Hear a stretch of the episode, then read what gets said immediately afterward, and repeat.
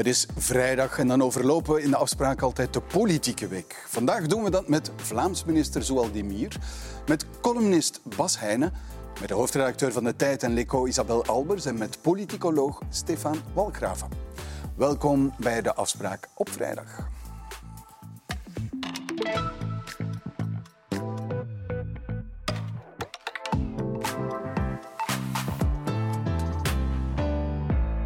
Goedenavond allemaal. Goedenavond, Vladimir. Um, eerst even kort de Natuurherstelwet. Want dat is ook een van uw bevoegdheden. De wet om de natuur en vooral ecosystemen weer um, te herstellen. Is Vlaanderen nu eigenlijk voor of tegen? Want nu weten we het eigenlijk niet meer. Ja, het is eigenlijk heel simpel. Wij doen aan natuurherstel. Ik doe dat al drie jaar. Ik heb uh, eh, 10.000 hectare uh, grond uh, een stolp opgezet, dat we niet meer gaan bouwen. Wij hebben heel wat natte natuur, veen hersteld, wetlands, bijzonder belangrijk. Ik heb 15.000 hectare natuur onder bescherming gezet, dus wij ja. doen dat ook. En wat dat die Europese natuurherstelwet betreft, wij hebben vrijdag had Europa een akkoord en wij moesten eigenlijk tegen dinsdag een ja of een nee geven. En daarom dat we, we hadden een impactanalyse besteld om te zien, een studie van ja, wat betekent dit nu concreet, een verordening, uh, Europese wetgeving voor Vlaanderen. Omdat dat, ja, wat dat Europa maakt, is niet altijd op maat van een kleine regio. En die impactstudie hadden wij nog niet gehad. En om die reden hebben we gezegd van kijk, wij vinden dat te kort dag. Wij zouden daar iets langer ja. uh, dan vijf, vijf dagen over willen nadenken. En daarom hebben wij ons onthouden. En het gevolg is dat België zich helemaal heeft onthouden. Uh, ja, dat is nu eenmaal het uh, systeem. Dat is het systeem. Dat is het systeem. Je hebt de drie gewesten ja. en als er geen unanimiteit is, is er een onthouding en ja, dus België klopt. onthoudt zich. Dat klopt. Wij hadden liever uh, langer gehad dan vijf dagen, want ik vind dat belangrijk. Natuurherstel, ook in ons stikstofplan, ja. zit een heel plan rond natuurherstel. Die natuur moet in een gezonde staat komen. Dat is ook, allee, ik denk dat ik de afgelopen drie jaar niks anders heb gedaan. En ook de kritieken die ik daar soms wel voor krijg, maar dat is onterecht om dat te doen. Wij moeten dat ook doen. Wij gaan dat ook blijven doen. En ik vind het gewoon jammer dat Europees proces van beslissingen, ik vind dat ze de lidstaten iets langer tijd moeten geven dan dan vijf dagen. Oké. Okay. Goedenavond, professor Stefan Walgraven. Goedenavond. Ja, die methode, drie gewesten die eigenlijk het eens moeten geraken om België toe te laten een standpunt te hebben op Europees niveau, is dat eigenlijk nog werkbaar? Of het werkbaar is, weet ik niet, maar dat is... Maar het gevolg is het, men is voor Klopt. en men moet tegen of zich onthouden. Wat ik wel weet, is dat het confederalisme is. Confederalisme betekent eigenlijk dat de samenstellende delen van een land elke beslissing kunnen tegenhouden. En als ze niet instemmen, dan kan het land geen besluit nemen. Dus eigenlijk een soort confederalistische afspraak die er in België is gemaakt, waarbij je instemming moet hebben van alle gewesten als het op een domein gaat dat waarvoor Europa bevoegd is. Dat maakt het lastiger om beslissingen te nemen.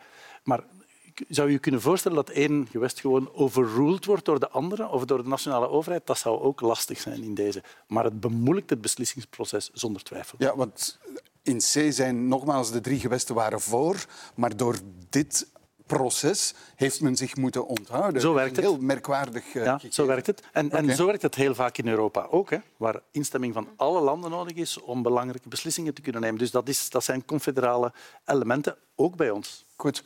Goedenavond, Isabel Albers. We blijven bij Europa, want de commissie tikt België dan weer op de vingers in verband met een begroting die ook gemaakt wordt door al die verschillende deelstaten. Daar komt het proces ook weer te kijken.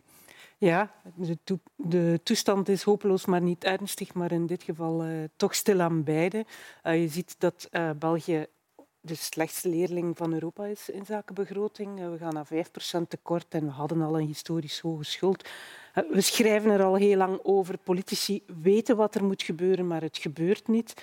Um, ja, en er wacht ons naar alle waarschijnlijkheid volgend jaar uitgerekend tijdens het Europees voorzitterschap van België een grote blaam. België uh, dreigt in die procedure van buitensporige tekorten terecht te komen van Europa. Het ja. strafbankje, zoals dat heet. Dat is echt een blaam. Een blaam, maar goed, een blaam die laat je passeren. Daar krijg je boetes bovenop. Ah, dat is belangrijk. En, en, en ja, dus dat is geen goed nieuws voor België, maar ik begin stilaan te denken, ze gaan dat niet graag horen, van misschien is het een keertje goed, want zonder externe druk ja, zie je gewoon dat politici niet doen wat nodig is. En ons uh, financieel huishouden staat echt niet op orde. We zijn echt niet weerbaar genoeg, als je dat vergelijkt met Nederland bijvoorbeeld, om toekomstige schokken op te vangen, de vergrijzing en zo. dat ja, misschien zal het dan moeten met Europese externe druk, maar dan kom je bijna onder curatelen te staan. Ehm, want ik zie niet in hoe deze regering nu nog in de begroting echte ingrepen gaat doen. God, we zijn op een paar maanden voor de verkiezingen. Het is sowieso voor de volgende regering. En, en het is dan voor de volgende regering. Maar wanneer zal die gevormd worden? Dus um, ja, dat is toch een uh, niet te onderschatten uh, onderwerp en thema uh, dat absoluut mee zal spelen, ook in regeringsvorming. Goed, dank u. Goedenavond, Bas Heijnen, en welkom. Ja. Welkom bij de afspraak op vrijdag. Uh, om u even te introduceren, u hebt een uh, nieuw boek geschreven met als titel Over nationalisme. Ja, het is een, eigenlijk een, een, een, een essay van George Orwell. Dat is een nou, u kent hem 1984, Animal Farmer. Die was ook een bekend essayist en een geweldige essayist. Want heel veel wat hij geschreven heeft is eigenlijk heel actueel. En een van die essays, daar heb ik een of tegen een aanvullend essay over geschreven, inleiding. En dat gaat over nationalisme, maar in een veel bredere zin. Orwell die zegt uh, alle vormen van mensen die zich committeren aan een doel, aan een partij, aan een, een levensopvatting, uh, die zijn ook geneigd om die levensopvatting, uh, laten we zeggen, tot absoluut te maken. Dus als je je eh, bekeert tot, tot iets, dan ga je eigenlijk de wereld een beetje ombuigen naar jouw beeld van die wereld. En hij geeft allemaal voorbeelden uit 1945, maar ook, het is moeiteloos door te trekken naar nu. Neem het conflict, het gruwelijke uh, de brandhaard in het Midden-Oosten, dat mensen toch heel geneigd zijn om als ze zeggen van nee, natuurlijk, wij betreuren alle doden, dat je dan zeker weet dat ze bepaalde doden meer betreuren dan anderen. dus die partijdigheid, daar gaat het eigenlijk over. Wij zouden over nationalisme zou je ook identiteitspolitiek in de breedste zin kunnen noemen. En Orwell die, die, die fileert dat zo scherp dat je ja, moeiteloos kunt toepassen op de dag van vandaag. Niet alleen identiteitsdenken, ook ideologie ja, of ook een vorm van. Uh, ik, ik had een discussie met uh, Dave Sinater, de politiek wetenschapper. En die zei: ja, in de tijd van de zuilen hadden mensen ook al hun eigen waarheid, hun eigen nieuwstoegang. Uh, en nu heb je de bubbel. Maar als je de zuil naast de bubbel legt, dan is die bubbel veel fragieler, veel defensiever. En daar zie je ook dat mensen veel meer geneigd zijn om heel snel een, feiten te sprokkelen naar wat hen goed uitkomt. En mensen, dat zie je ook altijd op internet, als mensen zeggen ik ben zelf op onderzoek gegaan, dan vinden ze toevallig altijd net wat hen goed uitkomt. Het is nooit dat je denkt, oh ik heb iets gevonden wat recht tegen mijn uh, uh, overtuiging ingaat. Um, en Orwell pleit er eigenlijk voor een vorm van zelfkritiek. Dus voordat je iemand anders als een met een natte dweil in zijn gezicht slaagt vanwege de verkeerde mening of het verkeerde woord wat hij gebruikt, om eens naar jezelf te kijken, hoe kom ik zelf eigenlijk aan mijn overtuiging? Wat zijn mijn blinde vlekken eigenlijk? Welke feiten die mij eigenlijk niet zo goed uitkomen, omdat ik partij heb gekozen voor dit of dat, moet ik eigenlijk toch toegeven dat mijn kamp, mijn uh, overtuiging, mijn partij uh, ook steken laat vallen. Misschien soms het gedrag vertoont wat het andere kamp uh, uh, ook doet. Wat je verwijt aan de andere kant. En Orwell die zegt nationalisme, wat hij nationalisme noemt, is tegenstand naar patriotisme. Want nationalisme denkt alleen in overwinningen, in vernederingen en trekt, gaat altijd uit van uh, de verdienst en het grote gelijk van het eigen kamp. En hij pleit, hij sluit zichzelf niet te buiten. Hij zegt: Ik ben ook iemand die geneigd is tot dat soort gedrag. Wij zijn dat allemaal. Hij pleit voor zelfkritiek. En je kunt eigenlijk niet tegen polarisatie zijn. Uh, of voor verbinding, als je niet eerst scherp naar je eigen aannames kijkt. Dat is eigenlijk ook de, de, strekking van mijn essay. Dus dat die oproepen tot verbinding en we moeten de mensen achter de, de schabloon zien, dat is allemaal heel mooi en aardig, maar je moet eerst eens even in de spiegel kijken. Goed, gaan we doen en we gaan we lezen. Dank u. De eclatante overwinning, want daar beginnen we dan aan van de PVV van Geert Wilders bij de Nederlandse parlementsverkiezingen, heeft toch velen verrast. En nu het stof van die verrassing wat is gaan liggen, worden heel wat analyses gemaakt en wordt ook een moeilijke regeringsvorming voorspeld. 35 zetels voor de PVV, een verdubbeling dus voor die partij. De kiezer heeft gezegd, we zijn het zat, we zijn het spuugzat en wij willen. En daar gaan wij voor zorgen dat die Nederlander weer op één komt te staan. We blijven netjes. Ik feliciteer Geert Wilders met zijn verkiezingsoverwinning. Nee, wij zijn democraten. De democratie heeft gesproken. Nu breekt het uur aan dat wij de democratie gaan verdedigen. Voor ons valt de uitslag tegen. En ik denk dat hier grote lessen voor de politiek in zitten. Er is onvoldoende geluisterd naar de mensen. En er zijn onvoldoende werkbare oplossingen geboden. Wij zijn beschikbaar om dit vertrouwen, dat wij zeer serieus nemen, vanaf morgen om te zetten in daden. Om.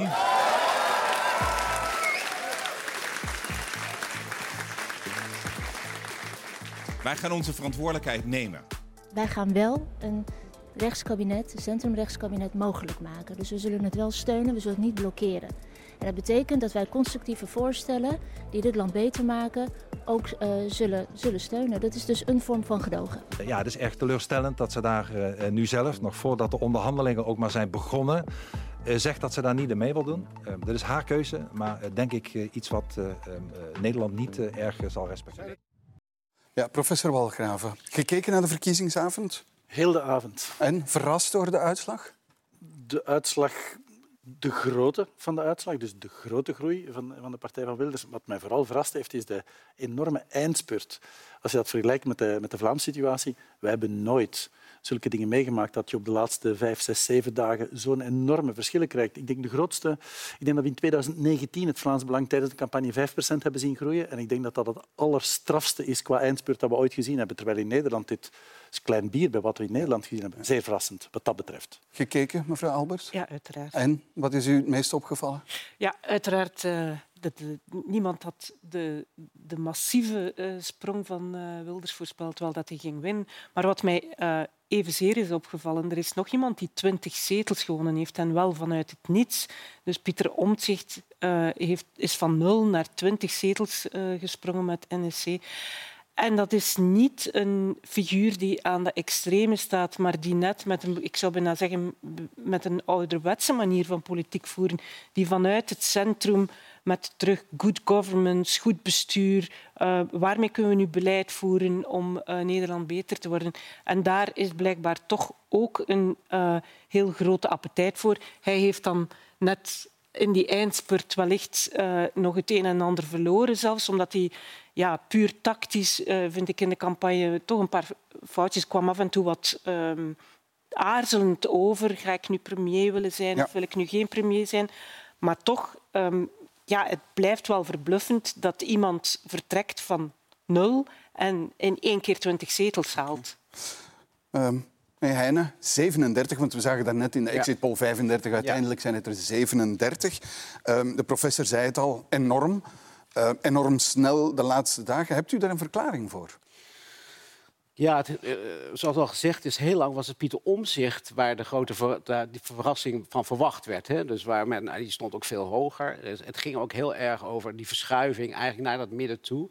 Wilders leek heel lang in, in, een soort ijs bevroren, hè, want die heeft heel veel verkiezingen verloren. Zit niet meer in het Europees Parlement, staatsverkiezing slecht gedaan.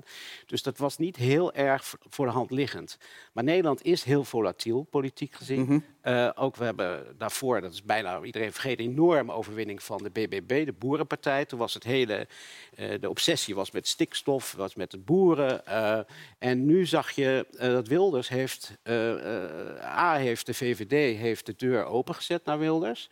Waardoor die niet, meer in een soort, ja, zeg maar, hier zou het cordon sanitair eten, maar er was toch wel afgesproken van ja, als zij niet excuses aanbiedt voor bepaalde uitspraken, dan gaan we niet meer met hem regeren. Dus Mark Rutte had hem heel lang uh, zoals je zegt. Maar Mark Rutte is er niet meer. En de VVD opende de deur naar Wilders, kennelijk door een vorm van verrechtsing om dat electoraat naar zich toe te trekken. Want de partij is oppermachtig heel lang en dan begint ook de overmoed. En Wilders is daar heel lenig op ingesprongen. En die heeft plotseling allerlei geloofsartikelen waar hij heel sterk aan hield. Uh, en, en, obsessies, kun je ook zeggen, met de islam bijvoorbeeld. Heeft hij plotseling gezegd, daar ga ik helemaal niet, dat, dat, dat is nu even niet aan de hand. Bestaanszekerheid is aan de hand, dat mensen genoeg geld overhalen. En de asielstroom en immigratie, dat is het thema wat toch de meeste kiezers aangeven als een zorg. Dat heeft hij omarmd. En hij heeft eigenlijk al die verharde ideologische, toch wel heel hatelijke uh, politiek eigenlijk in de ijskast geduwd. En dan derde factor is dat hij heel erg in de media een paar goede optredens heeft gehad. In Nederland is het toch ook wel deels uh, mediacratie, misschien nog wel meer dan hier. Uh, we dat laatste punt later even behandelen. Ja, dat is goed. Maar dat is, speelt ook zeker een rol, die dynamiek van die talkshows... Die, waar hij dan scoort en dan vier opeens dat er een soort... en dat hebben politici voor en Baudet ook al meegemaakt. Dan komt hij in een spiraal naar boven en dat was precies het goede moment. Want het duurde niet lang meer genoeg om die soufflé te laten inzakken. Oké. U kent uh, mevrouw Dylan Jesselgus van uh, de, de, de, liberale partij in, in, Nederland. Gaat u akkoord met de, de analyse dat zij de PVV gededouaneerd hebben, als je dat zo kan zeggen? Ja, ik ken ze goed. Ik dat een pittige uh, madame. Uh, ik ken ze ook toen dat ze nog minister van Klimaat was. Uh, maar wat dat ik onthoud van de verkiezingen is dat Wilders de moeilijke eisen, waardoor dat hij eigenlijk stemmen heeft gehaald, vrij snel inslikt. Hij pleegt eigenlijk al kiezersbedrog nog voordat er een coalitie is. En dat is wel onvermijdbaar, vind ik, met zo simplistische partijen als een PVV. Hè, daar waar simplistische ideeën moeilijke politieke realiteit ziet, ja, dan stopt dat eigenlijk. En wat we nu eigenlijk zien is, ja, hij zit in een luchtballon, de luchtballon moet opstijgen en alle ballast dat erin zit, dat uh, gooit hem overboord. En ik wil wel nog eens zien. En die ballast dat heeft hem net heel populair gemaakt. Dat heeft ervoor gezorgd dat hij zoveel stemmen heeft gezien. En nu zegt uh, uh, Dylan van de VVD van kijk, uh, wij willen wel eventueel gedoogsteun bieden enzovoort. Maar ik wil wel nog eens zien hoe dat we een regeerakkoord gaan moeten maken, hoe dat je beleid gaat moeten voeren. En ik denk dat dat wel net iets complexer zal zijn dan Korans willen verbranden. Oké, okay. um, dit zijn strategische redenen. de, de, de, het dedouaneren van een PV. Is het niet simpeler? Is het niet gewoon migratie als thema die de partij heeft uitgespeeld? Migratie is heel belangrijk, ook bij ons in Vlaanderen. En is dat voldoende om die winst te verklaren? Wel, het, het, is, het is zeer mechanisch. Hè? Dus wij weten dat als een, thema, als een thema vastplakt aan een partij, als een partij als eigenaar van een thema wordt beschouwd en dat thema stijgt in wat mensen belangrijk vinden, dan is het onvermijdelijk. Mm. Het, het, werkt in alle systemen zo, en zeker in gefragmenteerde systemen, waar eigenlijk dat thema-eigenaarschap een soort van handleiding is van wie doet er hier wat. In een systeem met 15 partijen is dat issue ownership nog veel belangrijker dan in een tweepartijensysteem.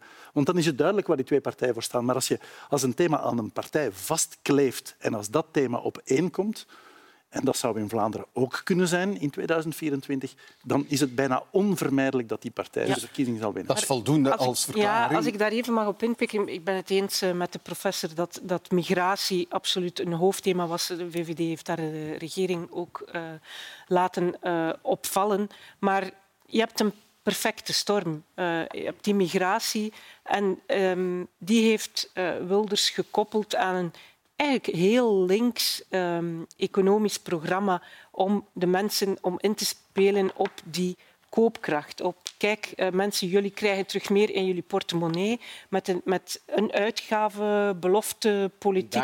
Die combinatie van die twee dingen. En als ik nog even mag... En ik denk dat daar een derde laag ook bovenop komt. Ook de, de ingrediënten die hier in Vlaanderen spelen. En dat is namelijk dat um, de politiek ontzettend uh, met zichzelf bezig geweest is, ontzettend veel ruzie gemaakt heeft, dat, dit, dat, dat onbehagen, mensen die niet akkoord gaan met die vorm van politiek voeren en dat die perfecte storm van dat sociaal en cultureel vervreemding en migratiethema misschien wel de hoofdmoot is, maar dat daar twee hele belangrijke uh, zaken zijn bijgekomen. En ik zie hetzelfde in Vlaanderen. Ja. Maar dat is, wel eerder... is hij rechts of links?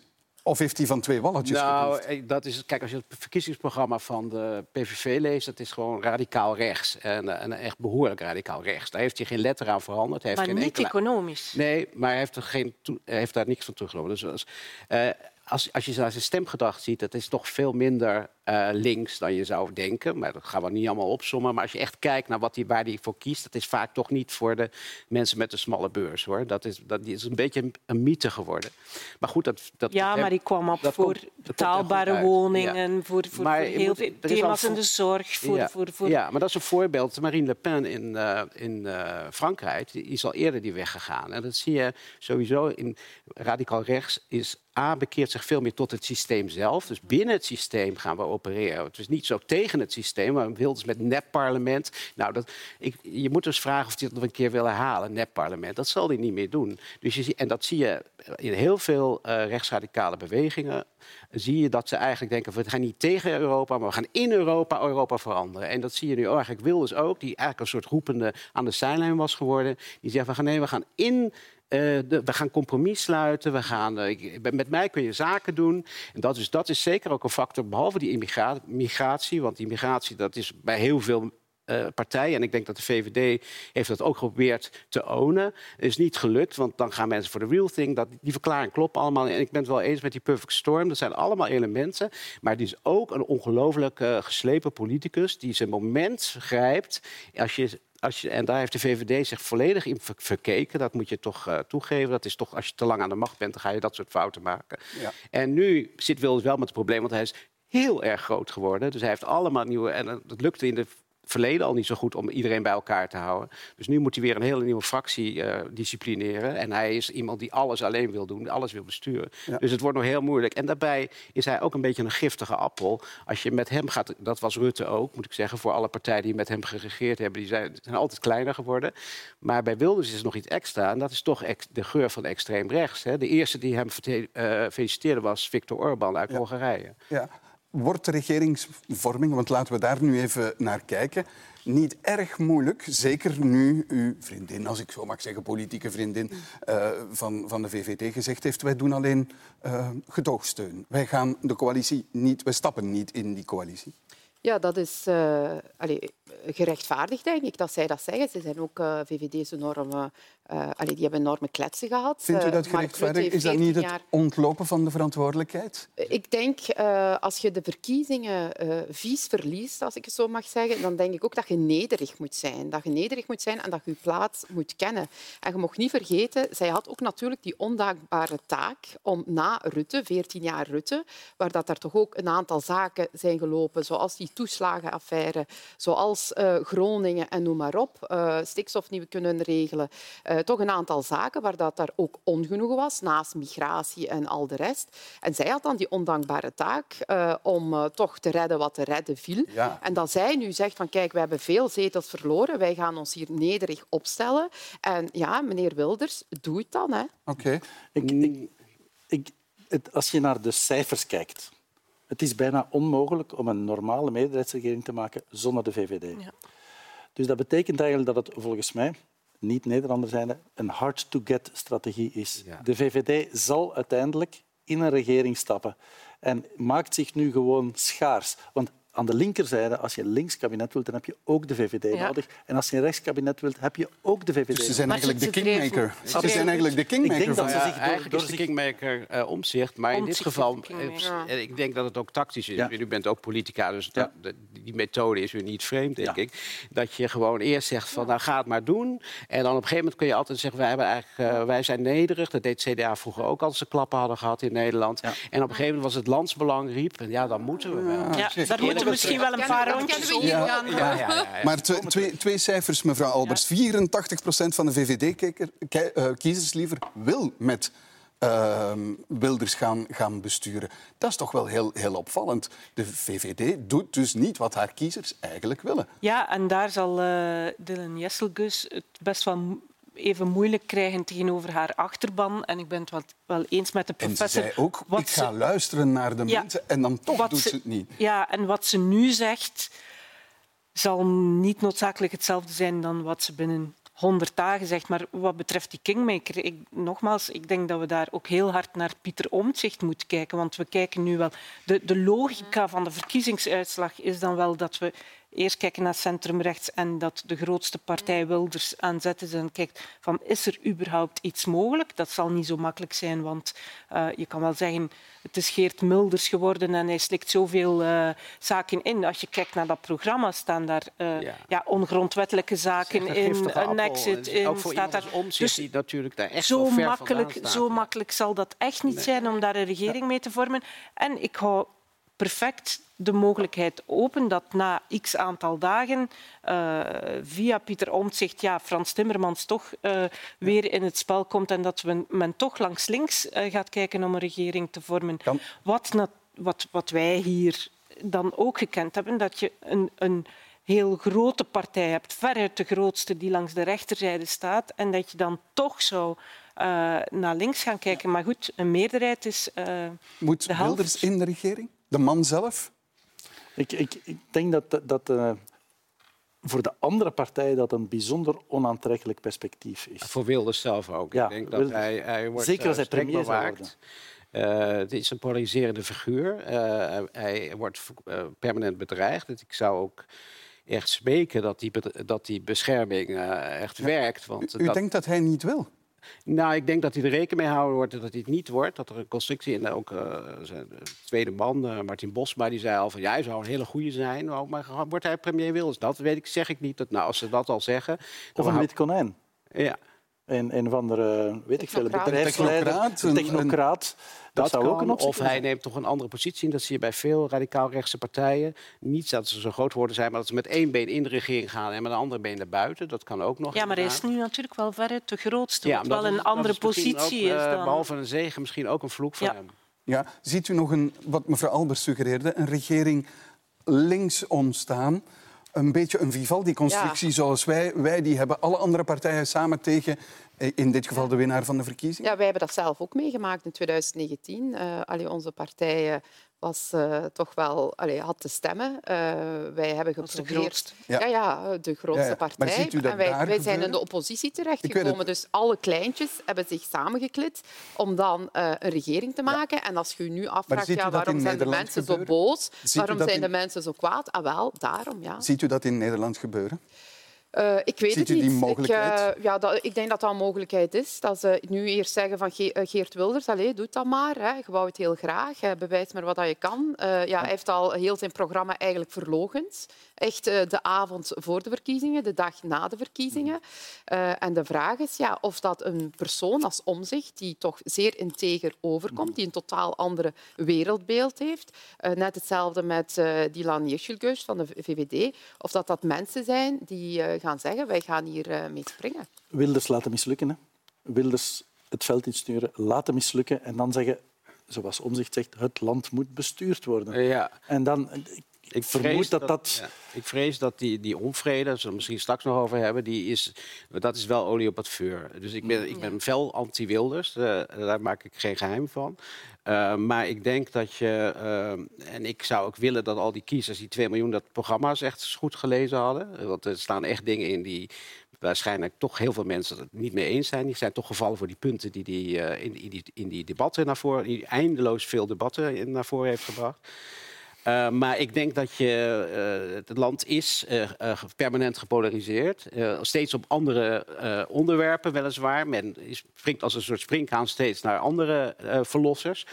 Maar ja, als, als, als, als je zo'n grote meerderheid of zoveel wint, dan, dan moet je, en dat hebben ze toen met de, sorry, met de lijst Pim Fortuyn ook gedaan, dan moet je iemand in de regering zetten. Alleen door dat extreme gedachtegoed wat Hij daarachter moet, hij- ligt. Hij, moet er dus in, zegt u. Ja, maar voor omzicht is het ook bijna een soort. Dan wordt het heel lastig om zijn integriteit van juist van. Ik Ja. ben een criticus binnen het systeem. Ik, ik sta niet te schoppen van de liberale democratie of het nepparlement. Daar sta ik niet tegenaan te schoppen. Ik wil dat de dingen beter worden. Ja, die, die neemt een enorm risico als die onder eh, eh, Wilders, eh, de- Ja, maar- premier Wilders gaat. Dus dat gaat hij niet doen. Ik, ik vraag het nog eens. Kan u zich inbeelden dat hij het niet wordt met dit resultaat? Vindt u dat hij geen premier moet worden? Nou, hij kan, hij kan, ik denk dat hij geen premier kan worden, omdat hij, wat ik net zei, polariserend is. En ook eh, dat hij waarschijnlijk ook, hij is, hij is heel slim. Dus eh, ik weet ook niet of hij die enorme ambitie heeft, maar wel om invloed en macht te hebben, maar misschien niet in die functie. Dus ik kan me voorstellen, ik ben daar niet de expert, maar ik kan me ook voorstellen dat je die constructie, die gedoogconstructie waar hij eerder deel van uitmaakt, dat is misgelopen. Daardoor zijn mensen ook redelijk getraumatiseerd, heel lang geweest. Maar als je iemand hebt die de boel. Ik denk dat mensen heel graag willen. Als dat hij invloed heeft, maar of die. Of, of laten we zeggen, de mensen die op hem stemmen ook zeggen: hij is onze gedroomde premier. Dat vraag ik me nog Maar af. als je Is- nu alles inslikt... ehm, ja, je ziet ook in een aantal andere landen dat het wel gebeurt. Hè? Dat, Ja. dat zo'n Dat zou leider kunnen, wel eh, aan de macht komt. Als hij nu kunnen. alles inslikt en ja, zeg maar bij wijze van spreken het programma van Omtzigt en de VVD overneemt. Het zou een beetje Ja, het Meloni-scenario zijn. De, de, gedoog, ja. de gedoogconstructie? De gedoogconstructie, nu, Nederland heeft er niet veel ervaring mee. Toen het, wij ook niet. Wij, wij nooit. Slechte ervaring ook in en Nederland. Die ervaring en ik vraag me af, wie, wie zal gedogen hier? Waarover spreken we? Spreken we Wilders in de regering en de VVD die gedoogt? Want dat is wat uh, de dame van de VVD... Of omgekeerd, een gedoogconstructie betekent eigenlijk dat de partner in de oppositie de regering gijzelt. Ja. De facto. En eigenlijk de regering moet elke keer opnieuw gaan onderhandelen. Er is geen, er is geen loyaliteit. Nee, dossier per dossier. Het is voor mij een recept, een recipe for disaster. Ik, ja. ik geloof er niet in. Maar je kan je ook afvragen in de positie van uh, de VVD zelf, of dat als ze dat nu echt meent, van laat ons nu maar nee. een toertje voorbij gaan en wij gaan in uh, de oppositie maar wel gedoogsteun verlenen. Ja, dat zou een bijna... positie zijn. Ja, maar het kan ook bijna het slechtste van twee werelden zijn, want je kan ook niet voluit gaan in de oppositie. En je kan niet met, met, met, met het beleid gaan lopen. Dus ik heb er heel erg vragen ik, bij. Of nou, is er nog een element dat, omdat Wilders zo groot is geworden... wil eigenlijk elke partij waar hij mee te maken krijgt... dat die heel snel kleiner wordt. Dus hij is met geen enkele partij echt bevriend, laten we het zo zeggen. Dat, dit wordt, dat is heel hard. Men wil hem zo pootje lichten. Want de VVD die wilde best een kleinere Wilders hebben, want dat is een soort bijwagen dan. Daar kan je dan weer een constructie mee verzinnen of eventueel wat ministers. Maar Wilders die zo groot is, dat komt echt niemand in de Nederlandse politiek goed uit. En uh, hij heeft ook al die radicaal rechtse kleine partijen uh, leeggezogen, kun je zeggen. Dus die, is eigenlijk boos op die zijn ook niet heel erg dankbaar, denk ik. Uh, hij is een magneet geweest, maar dat, want er waren al heel veel radicaal rechtse zetels. Ja. maar die heeft hij als een soort stofzuiger ja. in die laatste fase maar opgenomen. We, we, zijn nu al uh, tien minuten, of ik weet niet hoe snel de tijd vliegt, uh, over, het, over, het politieke, over het politieke spel bezig. Um, de vraag die mij toch ook bezighoudt, is als je naar dat programma kijkt en wat er uitkomt, dat Nederland vragende partij is voor een veel uh, strengere migratie, striktere migratie, of ze over dat inhoudelijk kerndebat überhaupt kunnen common ground vinden om daar echt een regering voor uit te zetten. Want daar staan extreme standpunten hè, bij, bij uh, het gaat over uh, sluiting van moskeeën, maar bijvoorbeeld ook uh, bewaking invoeren aan de Nederlandse grenzen. Dus hij stelt ook gewoon Europa in vraag en zo verder. Dus hoe gaat dat inhoudelijk tot een, een één migratiepolitiek kunnen leiden? Daar wil ik ook wel even de, toch een parallel maken met, uh, met Meloni hè, in Italië. was ook uh, radicaal, extreem rechts uh, uit Europa. geen migranten meer, migratiestop. ja, er zijn nog nooit zoveel asielzoekers toegekomen nadat zij premier is geweest. Ja. Hè. En in Brexit is het niet anders. Is, is, is het feit dat het zo gelijkend is op onze situatie, dat wij zo gefascineerd zijn? Is migratie bijvoorbeeld... We herkennen onszelf erin. Ja, maar en, en we hebben ook dezelfde partijen. Of we hadden. Voor de explosie van partijen in Nederland hadden we dezelfde partijen. Liberalen, Christen-Democraten. Christen-Democraten waren de belangrijkste partij. Net zoals in Nederland. En we spreken dezelfde taal. Ja. En dus daardoor... We hebben natuurlijk een klein detail, ja. namelijk we zijn een communautair land. Ja, maar wij kijken alleen naar Vlaanderen. Ja. Nee, nee, nee, als je moet gaan formeren, kijk je niet alleen naar Vlaanderen. Zullen we, zullen we even naar de situatie in ons land uh, kijken? Want die zoals ik zei, de Nederlandse situatie die wordt meteen op het Vlaamse politieke landschap, ik zal het over Vlaanderen hebben, uh, geprojecteerd. Ook bij ons. En zijn er verkiezingen volgend jaar. En bestaat de kans dat Vlaams Belang, dat is de zusterpartij van Geert Wilders, dus de verkiezingen wint. En dan zal ook hier de discussie ontstaan of die partij eventueel kan deelnemen aan de macht.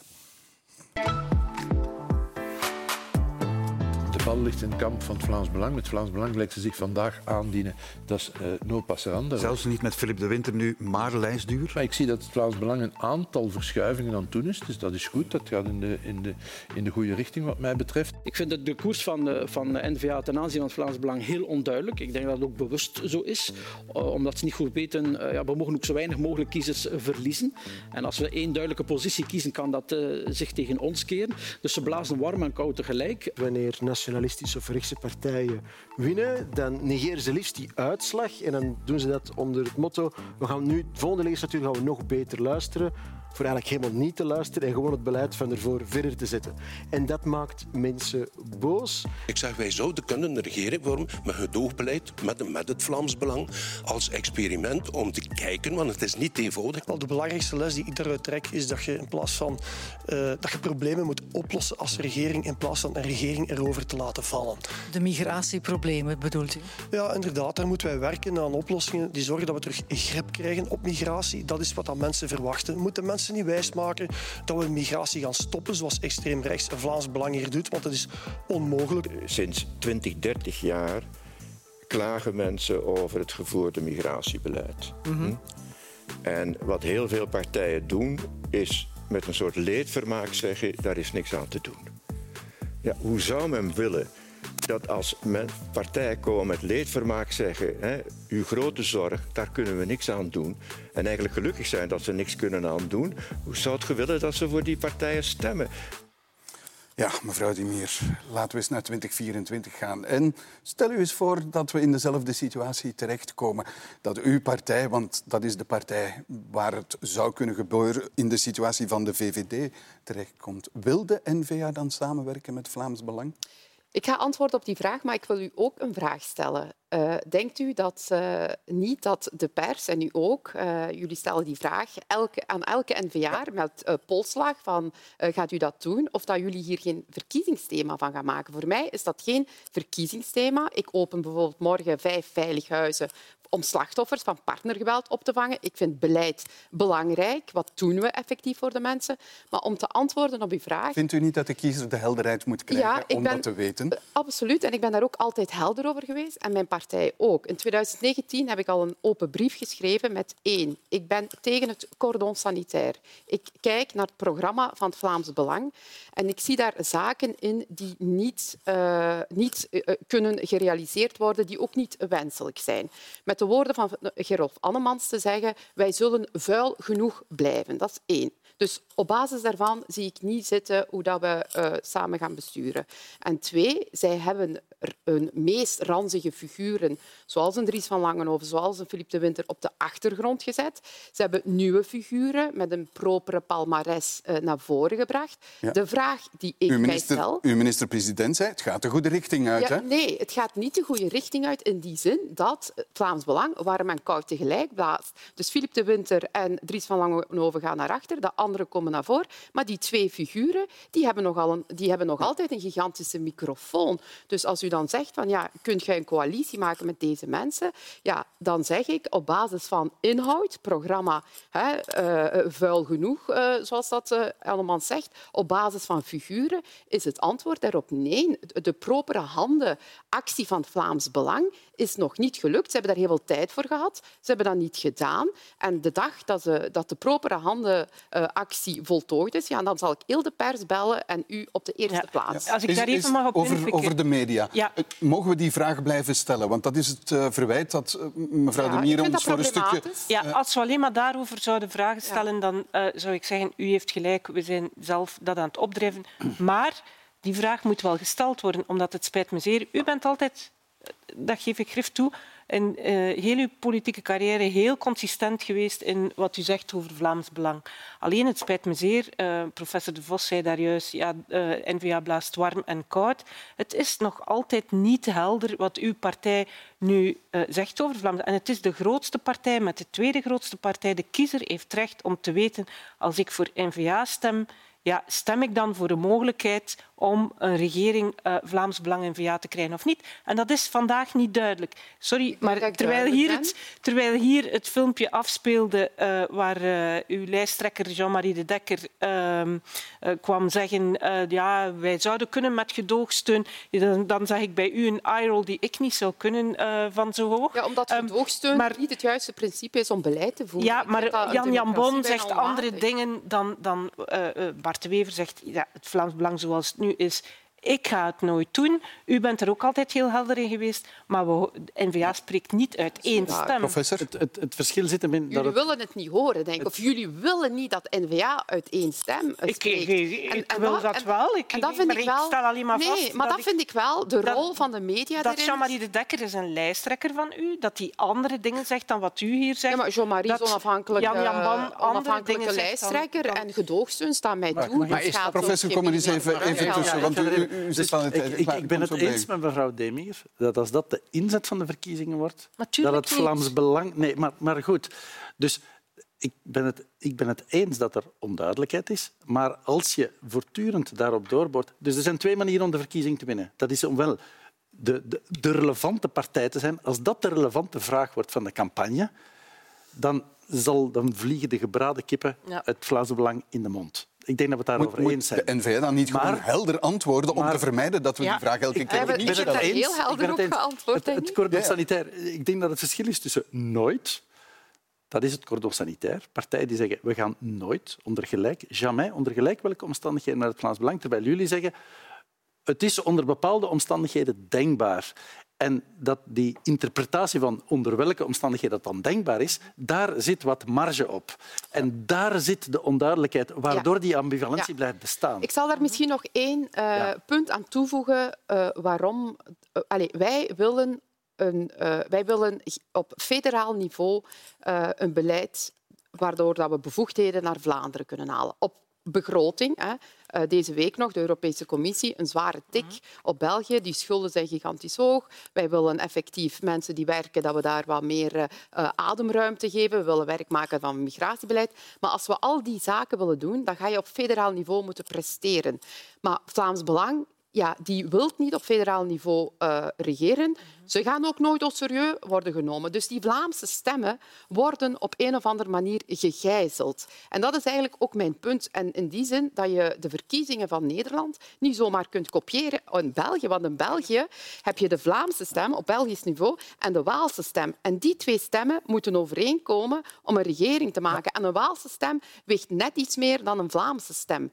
En als je die frustratie die daar al jaren leeft, al twintig jaar, bij de mensen thuis, bij de Vlamingen, die, een, die inderdaad werk wilt maken van al die thema's, ja, dan ga je niet anders kunnen dan effectief het systeem aanpassen. En zo niet zit je in een status quo, wat dat we de afgelopen jaren gezien hebben op verschillende fronten. Meneer Heijnen, hoe kijkt u er eh, naar? Want Nou. ja, hier hebben we dat cordon sanitair en de onduidelijkheid of dat nu behouden wordt of niet. Eh, Interpretatie. Ik denk wel, ik zie wel. eh, vergelijking met Ne- Nederland is dat die partijen die zeg maar zeggen, eh, eh, op bepaalde gebieden, als het gaat over na- nationale eigenheid, eh, behoud van nationale eigenheid, flink, flink dicht bij elkaar zitten. Ik denk dat u, u wil niet die partij, maar u wil wel de kiezers van die partij. En dat zie je natuurlijk ook bij Ik heel, vind- ja. heel veel eh, van die. Dus het is heel lastig om die partij te veel van je. te- Daar lijkt me die onduidelijkheid als een leek hier buiten staan. Ja, die andere partijen Die, je gaat die andere partij ook niet catch-22, helemaal schofferen, want dan raak je die kiezers kwijt. En dan kan- inderdaad wat die gebraden kippen kan ontstaan, dat mensen daar massaal overlopen. De fout die de VVD heeft gemaakt, is dat men aan de ene kant echt dicht tegen die eh Wilders is aangeschurken, omdat men die kiezers wilde hebben. En vervolgens wordt men opgegeten. En datzelfde gevaar, eh, denk ik, bedreigt u ook net zo goed dat het Vlaams Belang toch veel meer de real thing is en dan veel hardere nationalistische toon heeft, die de identitaire toon heeft. En dan is eigenlijk de hele eh, ja, dan, is, dan gaat die beweging slaat weer terug naar de, naar de Vlaams Belang. Er is nog een tweede. Ehm, je kan ook verkiezingen verliezen, denk ik, door migratie als thema. Eh, Niet alleen het samenwerken met, maar migratie als thema in de markt eh, te zetten. Absoluut. Ik denk dat dat de twee, dat dat de twee recepten zijn. Hè? Dus je hebt, migra- je hebt het thema en dan de, een partij en zijn strategie inzet maken van de Maar hoe vermijd je dat? Want dat leeft heel sterk bij het leeft de heel mensen, sterk. zal Ja, ik maar zeggen. Ik moet toch wel even iets zeggen voor die migratie. Er zijn natuurlijk ook partijen, eh, zeker ook wat meer libera- eh, neoliberale partijen, die zeggen migratie is gewoon nodig. Want daarom is de- dus die migratie wordt heel, kun je heel identitair opvatten als een vorm van dat mensen het gevoel krijgen dat hun eigen wereld hen wordt afgenomen of dat ze overspoeld worden of wat dan ook. Maar migratie is een natuurlijk bestanddeel Ja, van welke cultuur dan ook. En dat kan allemaal uit de hand lopen. Dat kun je, dus, het, ik hoorde net iemand zeggen, er, er wordt altijd gezegd, daar is niets aan te doen. Nou, ik ben niet goed genoeg op de hoogte om te denken dat mensen echt zeggen dat daar niks aan te doen is. Het lijkt me geen, geen politicus die zegt, daar is niks aan te doen. Um, dus dat lijkt me ook een beetje een, mythe. Maar volgens mij moet je wel kijken waar, welke, wat voor soorten immigratie je hebt. En in Nederland daar heeft de VVD toch echt wel een nummertje van gemaakt... door asielzoekers en, en nareizigers mm. van asielzoekers. Eigenlijk als het grootste probleem. Als je naar de cijfers kijkt, als je heel eerlijk bent... maar het gaat natuurlijk om een symbolisch iets... waar mensen er gewoon zich enorm eh, driftig over kunnen maken. En die zien beelden van opvangcentra die uit de hand lopen... of overlast van asielzoekers. Um, dan krijg je plotseling het idee dat dat een enorm probleem is. En naar het percentage 11% geloof ik van alle uh, migranten... Die, of alle mensen die Nederland binnenkomen. De rest zijn studenten, mensen die uh, voor de liefde, de 33 procent komt voor de liefde. Maar kan, kan je het thema vermijden? Je moet het helder krijgen. Bijvoorbeeld het, ik, denk de, de poging Vlaamse welvaart van de NVA werkt niet echt. Het is niet dat we het nu plotseling alleen maar over... over... over... het belang van thema's en wat kiezers belangrijk vinden. er is natuurlijk een realiteit, maar laat ons wel wezen. Als we iets weten is dat als elites praten over een thema, Mm. Als de media praten over een thema, dat mensen dat belangrijker gaan vinden. Mm. Uiteraard is er een voedingsbodem. Maar allez, dus het, van alle media-effecten is de zogenaamde agendasetting. Dus het mm. belangrijk maken van een thema is het onomstreden effect. Dus, dus, dus met het Europees voorzitterschap gaan we een migratiepact maken, hoor ik Alexander de Croo en staatssecretaris Nicole de Moor zeggen. Wat is men dan aan het doen? Men, is van migratie een thema aan het maken. Absoluut, absoluut.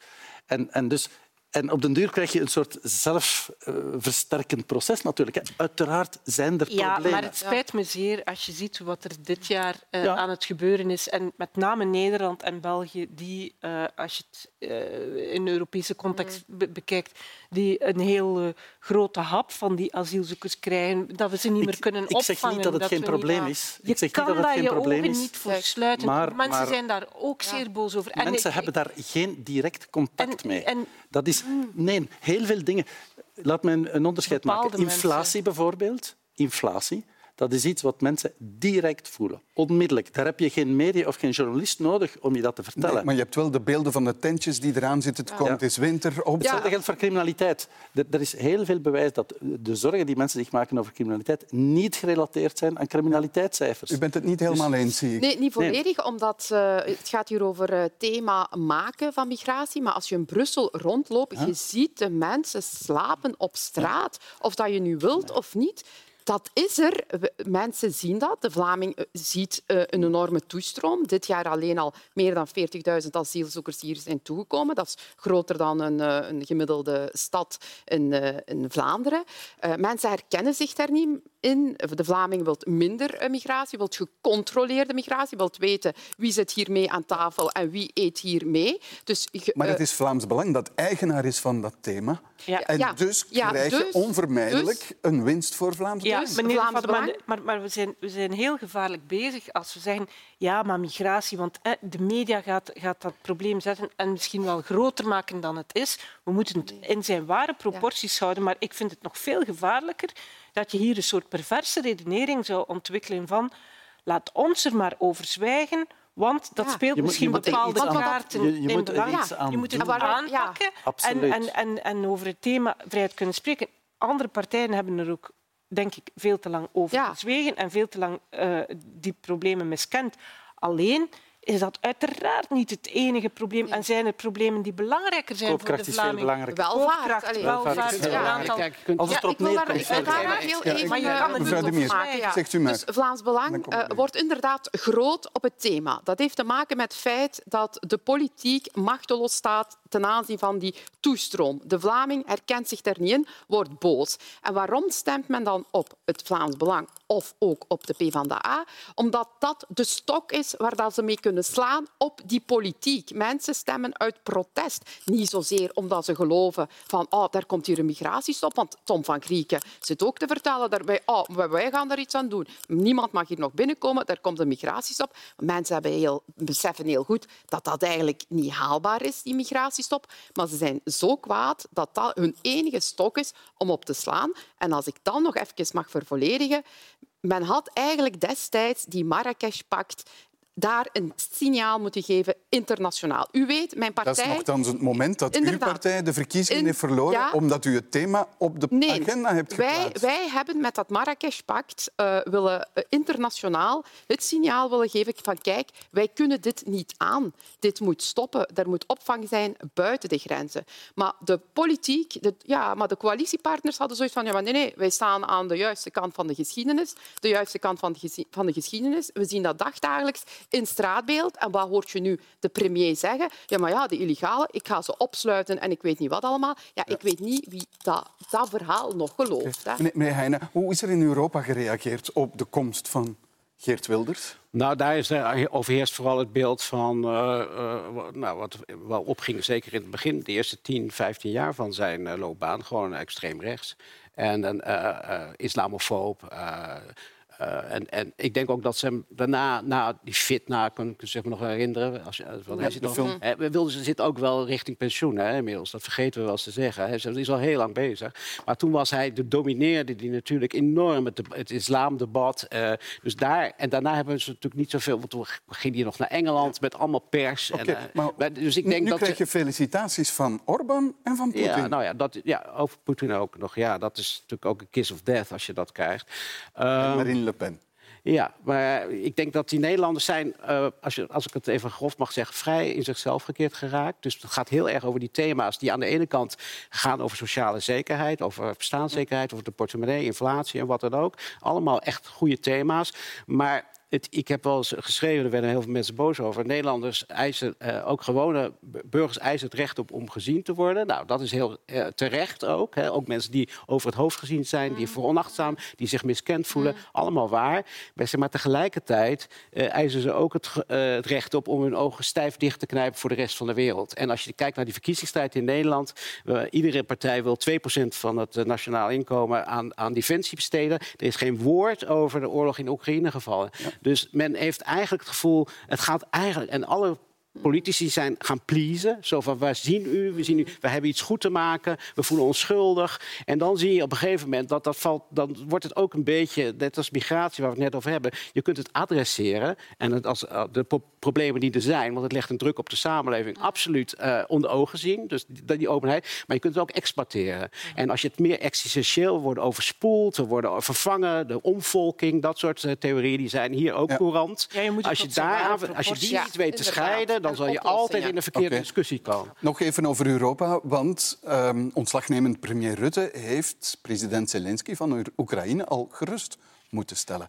Dus er is toch enige bezorgdheid over een mogelijk regering waar Geert Wilders deel van zou Ja, absoluut. En in Brussel hebben ze eh, stilletjes, maar toch wel enigszins ongerust zitten kijken. Als je natuurlijk naar het programma kijkt van Wilders, ja, dan, zo, dan gaan alle alarmbellen af. Alleen zal die soep zo heet gedronken worden. Hè? Want hij, hij pleit voor een referendum voor een exit, voor, voor, een, voor een uitstap uit de Europese Unie. Dat is natuurlijk niet haalbaar. Eh, die, die, die bewaking aan de grenzen, eh, het stopzetten van eh, steun aan Oekraïne heeft hij ook voor gepleit. Ja. Dus dat zijn best wel dingen waar je je zorgen mag, mag over maken. Bovendien komen we... Nederland heeft ja, jarenlang een premier gehad, premier Rutte, die internationaal en Europees en straks misschien nog veel meer eh, boven zijn gewicht bokste, boven het gewicht van het kleine land Nederland. Rutte had best veel invloed en aanzien in Europa, was ook op Orbán na Ja. de langstzittende premier en altijd een heel uitgesproken visie pro-Europese koers gevaren. Ja, Wilders is een, is een, is een eurofoob. Een, een, een, en, en natuurlijk zullen, als hij al een regering gevormd zou krijgen, eh, en zullen die andere partijen en, en de checks en balances wel maken dat, dat, dat het zover niet komt eh, als een exit. Maar, maar het is toch wel een... een, een Wordt, Nederland het nieuwe Hongarije of wordt Nederland het nieuwe Italië? Hè? Italië, ook is radicaal dat dan- rechts, maar Is dat dan een crisis van de democratie? Zoals in Hongarije, illiberale democratieën. Beleven we een crisis van de democratie, professor? ik denk dat we ongetwijfeld een crisis van de representatieve democratie beleven. Dus het wantrouwen tegen vertegenwoordigers, tegen partijen en politici die eigenlijk de wil van het volk moeten vertalen in beleid. Dat, dat- daar hebben we echt een probleem. En ik... En dat zie je overal. Dus het idee, we worden niet gehoord. De elites luisteren niet naar ons. De mensen worden genegeerd. Nederlanders, de gewoon Nederlanders terug op één. Dat zie je overal. Dat is onweerstaanbaar. En ik denk dat dat... Uh, ja, okay. dat, dat stelt de principes van de representatie komen eigenlijk onder druk. Ja, we zijn aan het einde van deze afspraak op vrijdag. En daarmee is weer een politieke week netjes neergelegd. En zoals altijd dank ik mijn gasten voor de deskundige hulp daarbij. Zoal Demir, Bas Heijnen, Isabel Albers en Stefan Walgraven. En u, beste kijkers, dank dat u er ook niet bij was. Tot volgende week.